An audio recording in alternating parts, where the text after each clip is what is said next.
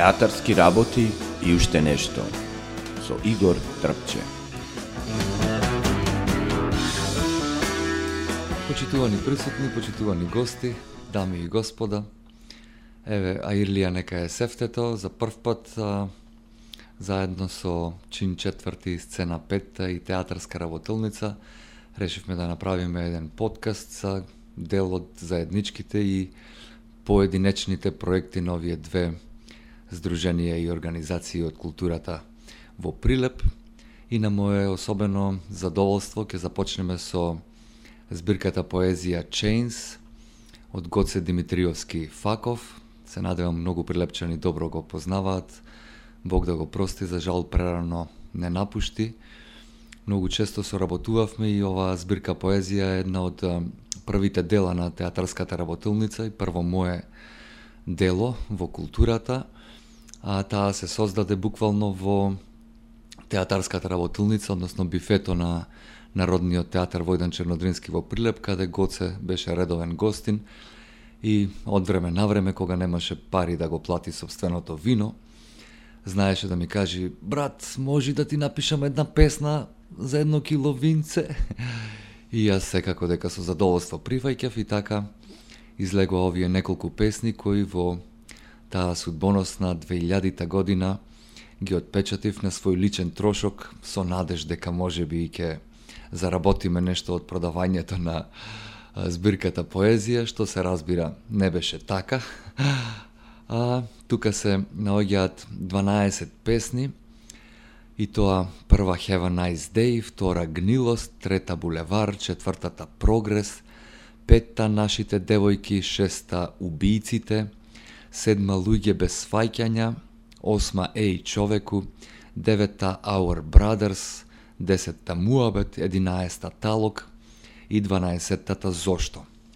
Во оваа збирка, која се разбира тогаш ја отпечативме во физичка со физичко присуство, да кажам, и која излезе на место А6 во односно наместо да, А6 во А7 формат, во еден чуден формат, многу ја ословуваја како тефтерче.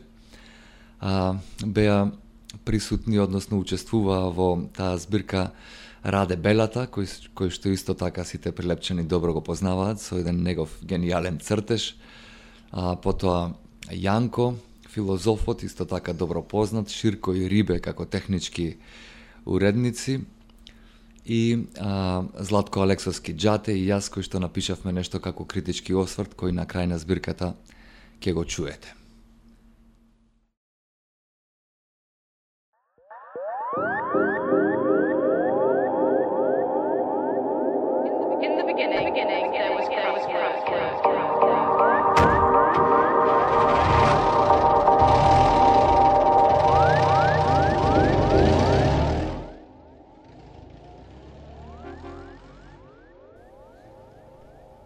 Chains од Гоце Димитриевски Факов Нурна синџирот кинејки од врат дом Искрши звуци, терет падна крај скелети што клукаат чаши, косои.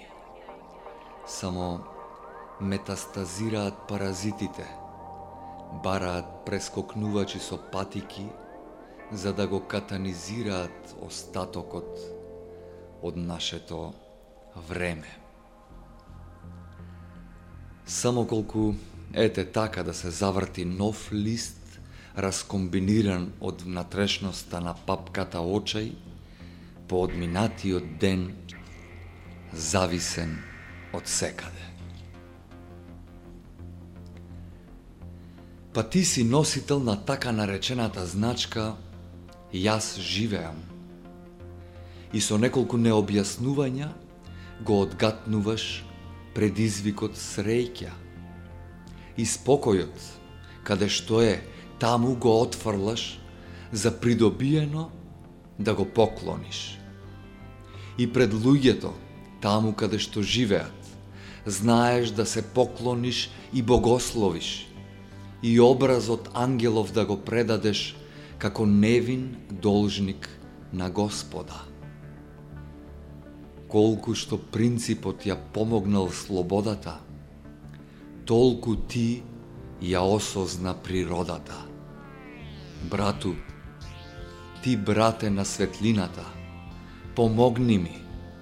Мали се буквите за милоста, мали искушенијата за свејките и тагата со длабока насмевка за минатоста. Го изгубив растојанието со сонот, но и полот, и болот, времето и текот, разумот, екот.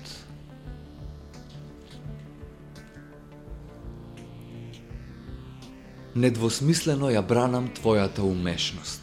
Хм. Да издвојувам простории, да те примам, да те имам, да ти давам, обсипувам. Кловн да бидам, да имитирам, и божества, звуци, бои да симнам. Не ја заборавам содржината што овозможи заеднички да ја изедеме смислата до крај. Занемарувајки ја прекрасната природа, на буцкастите скелети корои, избегнати од славата, за величенствениот предизвик, наречен Јас така мислам.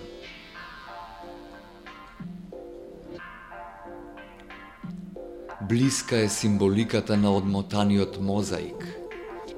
Секундата со сказалката и плетеницата. Листот на тревката, бојата, четката, виното од чашата, тонот во увото, огнот од рацете, шминката, лицето, мугрите на плурализмот, нојкниот ескейп на културниот бдеец, канцелариите, филџаните, па и гитарите – книгите по чаршавите, га-га гестовите на масовните словенци, исчезнати плави очи, мафнати со склиз на возот, а устата на резот од мигот, удобно намачкана со смевот на прогресивното млеко, скротена со капијата на диоптријата, топлена со костенот родители. Преживеа ли младото, сладко коцкиче.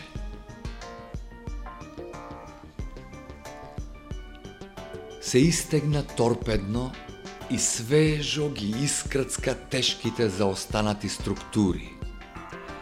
Врз ргјана прастара блескаво раскрши со заврт коцка бетон. Низ тунел експлодира – во пранга од вител дрвена, крај предходно црвена марионета, представа куклена. Низ квадратни цигли водени, пред собрани зачудени песови, разврат и бесконец оптегна. Струја светна в планина. Мислеше, бркајки, да се најдам себе си, како и секој дел од мене, природата подалеку од сите препознатливи врсти во непознатото собирање, поаѓање, стопирање на меѓувремето метално-атомско откритие, самоувереното врвејки низ стопати по сто. Го гледав истиот агол, бев збунет, по стопати да се преместувам врстотина. Тргнав предвремено, без да ги понесам синџирчињата што требаше, формирајки спирала, да ме ослободат од трескотниците. Насобрав капацитети по карпите, што може би во тој момент не ми се допадна. Слизнав удолу и без алка заврт здогледав човек со раце и форма на свртена глава. Се што звучев, врискајки од радост, не го слушнав. Се што барав, не видов. И алка по алка, невидливо се насобрав ко точка. Завршно се заљубив. Погрешно откинат од себе си. Квич Избија плутава изнесува, рамки хоризонтов надоврзува, горе мегданот фрустрира диоптрии. Чап затегни капаци, замаглени фармации од видици, испарува облакот врз оној дом, онде некој плаче некаде. Клап отвори, жештина од подпори, со молни, жолти, сини, безвремени копии, месождери, срчи црвени. Со плукната тапа од занишана асфалтна физика, се запрепасти умот во мол. Изговори тишина. Не поинаку раскапи водата, бојата, зазумија облиците, измија, избија чашата, потемна снимката на карпата.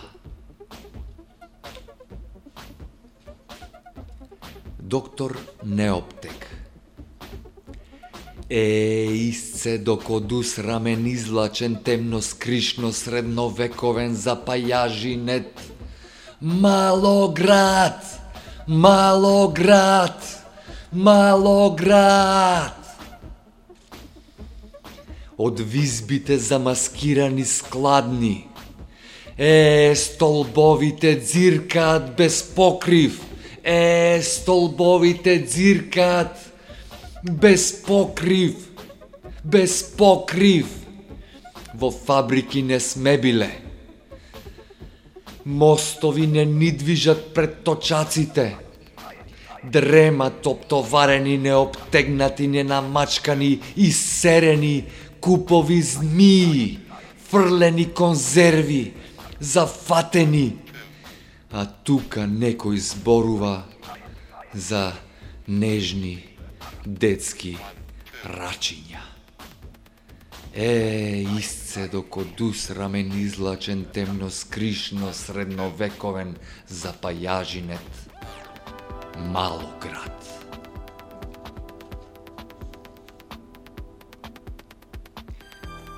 Theater Workshop www.mkd.tr Chains Experiment Out of Space Транселементарниот биоетнос, префрлувач на збирови на дразби, функционира од било кој дел на универзумот. Според тоа, воздишките на видео љубимците серат бесплатно по Унионет. Декадентноста на старите кујки – заменета со стравот од каменизирани камери, а по солитерите паники, паники, паники од невидливите роботизирани гризавци што движат од ното, што движат од ното, паничејки ја гравитацијата. О, тешко име на одцепените. Само панкерите мочаат згради. Punks not dead. Punks not bad. To you или to me. Величенствено произжонглира, додека узурпаторите наметнувачки инквизиционо се насмевна, глумејки кашлица. Студот, шинелот, мајката на дуплите аптекарски изрази, црквените лаги, на бубуљаните пресечени носеви, мајките, комплетните будалаштини во столици, гризењето воздух, повторувањето, алчното славење екзекуторство, убивање од стравување за царување, умилкување, умислување внатре во артеријата на гревот. Виножита. Виножита. Таму, каде што просијакот се сопнало кокорен од последната избричена ливада, галеничена правдата, мрзоволно устрамено од вековите – поклонувајки се на месечината. Никако! Никако!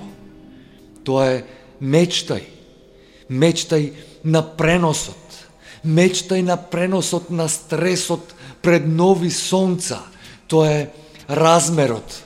Тоа е кои сме, кои сме, каде сме. Во телесната служба на израбизираните неволји или во стегнато и веричната формула каде што чуденцата просторно не заслужуваат. Нурнавме сите со гриц на случајот. Се создадовме бранејки ја нашата цел. Бранејки ја целта во несогледливоста на откорнатиот лудак што сади. Едноставно, луди се, што бидал ти за тоа. Поклон, благодар, аплауз, Не мора.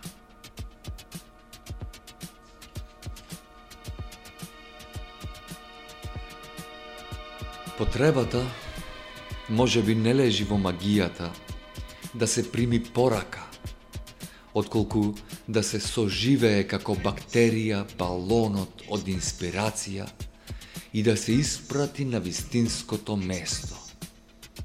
Да се чека, не заборавајќи ги секојдневните антитела. Крајот на бариерата уметност. This number of my chains представува кабалистички, безприемен, безпредметен, од андерграундот излезен, веќе испечатен подочник, звездичка подочњак од фамозната 97 До сега создадени се уште Cyber Chains 9 сплетови, што може би со поубава технологија излезена од шифра со 3D буквите да создаваат игра во обличени низови на броеви, агли од спирали и отварање на VRs поетрирањето, што ме запрепасти, засинџири во воздржувањето. Постојат и други начини на комуникација. И доколку сакаме да ги пронајдеме, потребно е предходно да избришеме еден збор. Доколку се е создадено од зборови.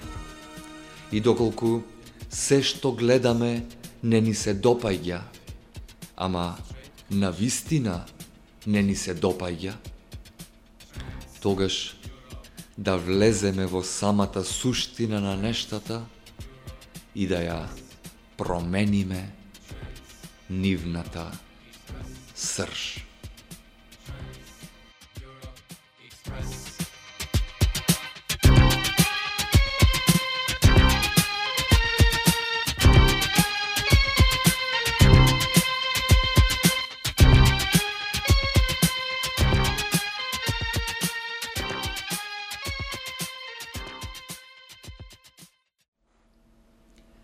Критички осврт кон збирката поезија Chains. Јан Вега 2000-та Поезијата на Гоце Димитриевски Факов е едно парче фино осмислена шара низ естетиката во поглед на убавината на искуствените ресурси.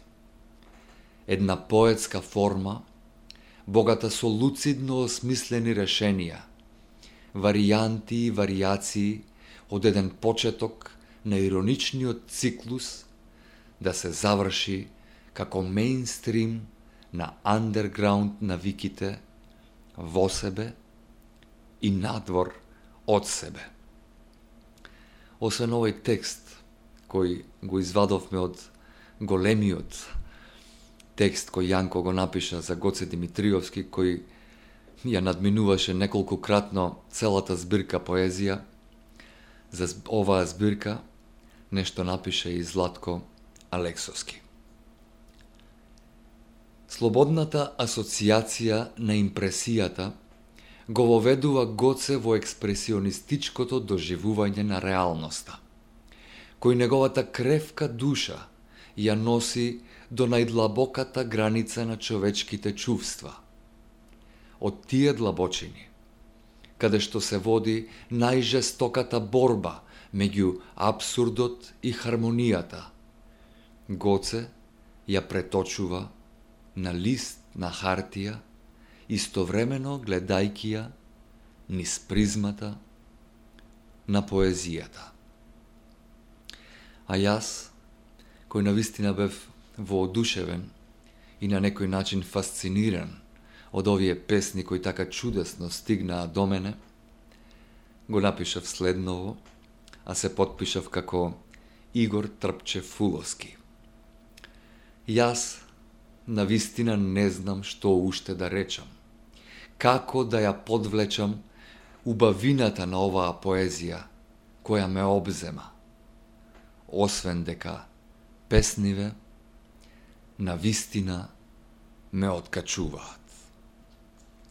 И како што веќе кажав, во оваа мала, но за мене многу голема збирка поезија, освен театарска работилница Прилеп, подпишана како со улица Оревоечка 22, кој од тогаш се промени, и 97.500 поштенска, поштенски фах Прилеп, кој исто така се промени, и издавачот Кубоа Прилеп и печатницата PowerPoint во Скопје, која двојно ни ја наплати збирката, технички соработници беа Ширко и Рибе, а припремата за печат ја направи Коста. Збирката излезе во тираж 1000, а ЦИП, каталогизација и публикација, беше бројот 821.163.3 цртица 1. Уште тоа, или освен ова, би сакал уште за Гоце да кажам дека многу жалам дека тој не го дочека ова време. Иако во тоа време, додека се уште беше жив, Бог да го прости, на дел од песните на оваа збирка, направија а, неколку панк песни групата Флукс од Скопје, кој исто така има свирка во тогаш едно од најалтернативните бифиња театарска работилница, или уште како го нарекуваа бифето во театарот, Исто Флукс, кога свиреа во театарот, имаше еден одличен и многу чуден настан. Настанот беше дека тогаш се подготвуваше представата Ероплан шо лета по земја од Благоја Ристевски Платнаро, ја режираше Љубише Георгиевски. И тој како Бог да го прости и него, Бог да го прости и платнерот. Многу луѓе ни заминаа од Прилепов. За жал градот веќе не е ист без овие луѓе Како добар и голем кулинар, Љубише Георгиевски сакаше да подготви граф со пастрма. А бифето, бифе и чајджелница, театарска работилница, предходно беше скара, која јас сете случајно ја наследив од тогаш нашиот и се уште вработен Пиргано, беше и скара и имаше голема скара и оджак за скара и секако на барање на вработените, понекогаш подготвував и скара, и чорба, и други јадења за доручек, пошто нашите, Бог да го прости Джумерко, Бог да го прости Жмарата, знаеа да останат по цели вечер исто како и Трајче Крстевски, многу пати таму се случува длабоки и тешки разговори и за поезијата, и за уметноста, и за литературата, и за културата. И голема штета е дека тогаш немавме вакви технички и технолошки уреди кои можат да го снимаат сето тоа на телефон или барем на компјутер, кој за нас тогаш беше многу скапа направија и не секој можевме да се приуштиме. Љубиша реши да подготвува граф со пастрма. Како што ние што знаат, знаат, тој се подготвува релативно доста долго и од Сабајлето беше пуштено шпорето на Тивко, се крчкаше гравот, а од пастрмата и покрај тоа што бифето беше делимично настрана од театарската, од театарот, мирисаше цел театар на пастрма, а оние кои јаделе овча пастрма знаат како тоа изгледа. И тој имаше закажано вечера, односно ручек и вечера за целата екипа. На представата, во која за среќа учествував и јас, како што учествуваше и Джуме и цел, целиот ансамбл на Народниот театар Војдан Чернодрински, а како специјални гости беа присутни Благоја Ристески а, Платнарод, односно Благоја Спирковски и Джумерко, исто така а, а, директорот на Микросам Благоја а, Самаковски, а, исто така беше гостин и господинот Фрчковски, добар пријател на Платнарод, и нормално испоседна, а јас вечерта имав закажано концерти на групата Флукс. И имавме една стара сценографија која на едниот крај на просторот беше поставена како како еден кафес, кај што беа поставени тапаните и бендот кој требаше таму да свири. И нормално се почна како што треба, со добра салата, домашна ракија, па потоа долги муабети и хранење, но јас се разбирам му најавив на скапите и ценети гости дека а, мораме да ја завршиме нашата вечера барем до 22 часот, која планиравме да го почнеме концертот на панк бендот. Но, како и секоја добра забава, и сите добри присутни добро се запија, тогаш беше дозволено да се пуши во секоја можна просторија, Натре беше зачадено, прст пред око не се гледаше, се мирисаше на граф со пастрма и од длабочината на нашите души извираше задоволство, радост, се расправаа разговори на сите страни. И јас почнав да ги замолувам дека луѓе, еве го 10 сатот ја надвор, имаме 100 души публика, прилепчани со задоволство чекаат гостите од Скопје да почнат да свират. Вие нели полека полека треба да се прибирате, Меѓутоа гостите ништо живо не сакаат да си одат. Море моли, море коли, никако не бидува. И шо прајме? Тогаш со Джајчо го почнавме бифето и чежелница како соработници или ортаци.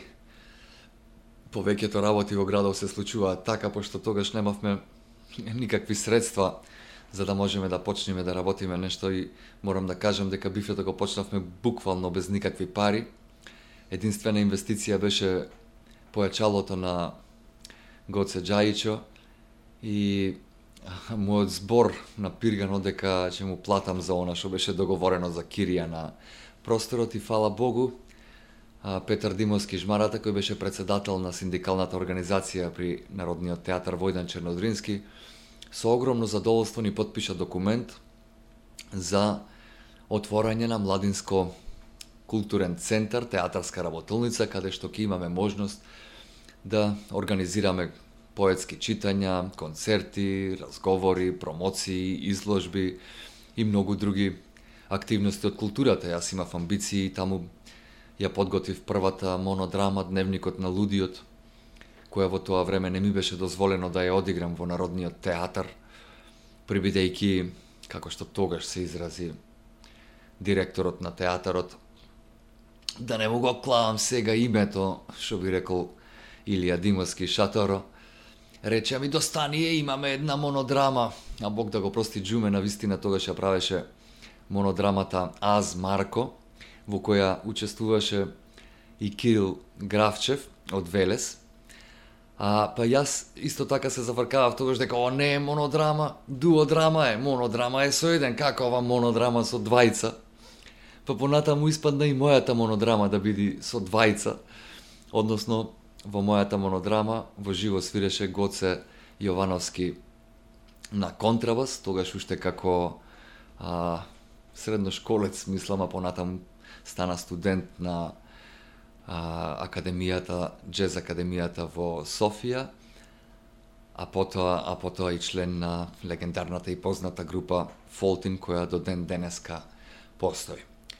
И сега не знаеме како да ги избркаме овдека се, нели, битни големи фаци на градот, Самако, Платнаро, Фрчковски, Джуме, Пепио, цела екипа од театар, видно запијани, расположени, не му се станува, пијат, трошат тука, цел ден граво се спремаше, море по два-три тајнири графи зедоја, море какви не рафали испрдија тука. И јас се молам се колам, тие не ме клава на чибук, шо би рекол Илија Димовски шатор. И шо да правиме? Излегов надвор, веќе се собраја стотина души кои викат ајде бе човек, кога ќе почни, кога ќе заврши концертов, шо правиме? Иди брате, кој е тапанаро? Ова е.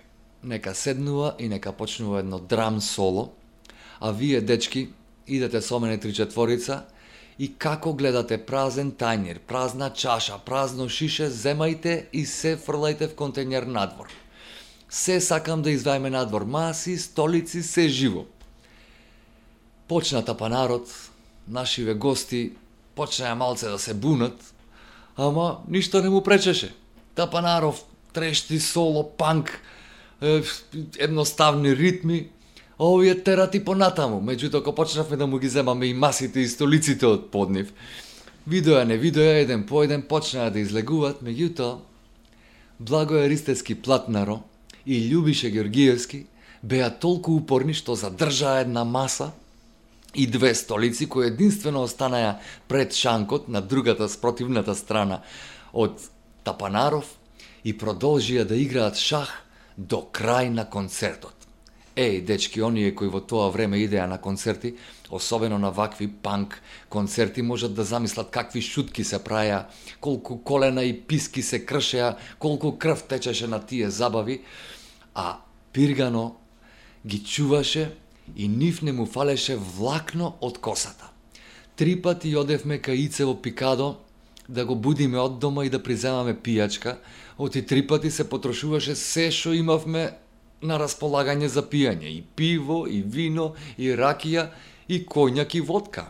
Тој беше целиот репертуар на алкохоли кој што ги имавме, Меѓутоа Ице и по пижами знаеше да стани и да ни извај два картони вино, три-четири гајби пиво и да речи земајте пари, утре ќе ми дајте. И така продолжуваа забавите од тоа легендарно бифе кое, за жал, доколку постоеше до ден денеска, сигурно ќе беше културна институција со поголема важност и вредност, дури и од овој Центар за култура, кој од тогаш до денеска го промени името три пати, а не знам дали ги промени навиките на институцијата, која и се уште не му дозволува на младите и онака како што во неговиот статут пишува, да се искажуваат и да работат она кое што го сакат. А тоа се било какви културни манифестации од типот на изложби, концерти, свирки, забави, а, театарски или аматерски проекти. И единствено кое што функционира до ден денеска, кое што почна многу покасно, е она сега кое што се нарекува арт кафе, а за жал ништо од арт нема во него, единствено името, веројатно кое што таква, така се нарече само за да добија некаква концесија и да го изнеми просторот, кој ден денес се користи за угостителска дејност. Но еве во ова време на ваква чудна пандемија и на а, неможност луѓето да се собираат и да се дружат и да се забавуваат како и некогаш, фала му на Господа што останаа компјутерите, што останаа еве љубителите на културата и уметноста се уште да се собираат, да ја овозможуваат и да ја експлоатираат својата техника и технологија како Саша Нацевски во моментот или Чин 4 сцена 5 со кои неколку пати сме соработувале досега заедно со театарска работилница како и а, студиото Зодијак кој исто така учествувало во неколку аматерски алтернативни проекти на театарска работилница да се единствените кои се борат и се надевам ќе продолжат да се борат за овие институции каде За жал, физкултурата почнува да биде доминантна дејност, отколку културата, а еве, би го спомнал тука и Центарот за ликовна уметност кој со години користи свој простор или има свој простор, меѓутоа се уште не заживува на онаков начин како што треба или како што мислам дека треба. А, и се надевам дека ќе заживе Центарот за ликовна уметност во полн сјај, како што сите добро памтиме и ги памтиме ликовните колонии, и борбите на театарската работилница за проектот Почитуваја уметноста и за непреместување на скулптурите кои беа печат на градот, Прилеп ја имаше најубавата ликовна колонија на отворено, поставена од авторите на делата кои ги изработиле во бел мермер, нашиот пилепски мермер со кој е направен Партенон во Атина и кој сега се разнесува по светот, по Европа, по многу ниска цена, затоа што исто така го доби под концесија и ние се уште не знаеме под кои услови и кој го злоупотребува. Па, со надеж дека сите овие работи ќе се променат на подобро, со надеж дека културата ќе се врати на голема врата, со надеж дека на публиката и вас, почитувани слушатели, ви требаат културни, поетски, литературни и театарски манифестации од секаков вид, а особено музички, музичарите се најпогодени од оваа пандемија кои година и повеќе од година и пол немаат направено концерти, ќе се вратат и ќе продолжат да живеат со вистинското темпо и да се вреднуваат многу повеќе отколку што беа вреднувани до сега. Јас ви се заблагодарувам уште еднаш и се надевам дека овој наш подкаст ќе продолжи понатаму, да ве забавува и да ни овозможува на сите да ги искажуваме нашите приказни и проблеми кои со кои сме се судирале низ годините наназад и со кои се надевам нема да се судираме во годините кои следат.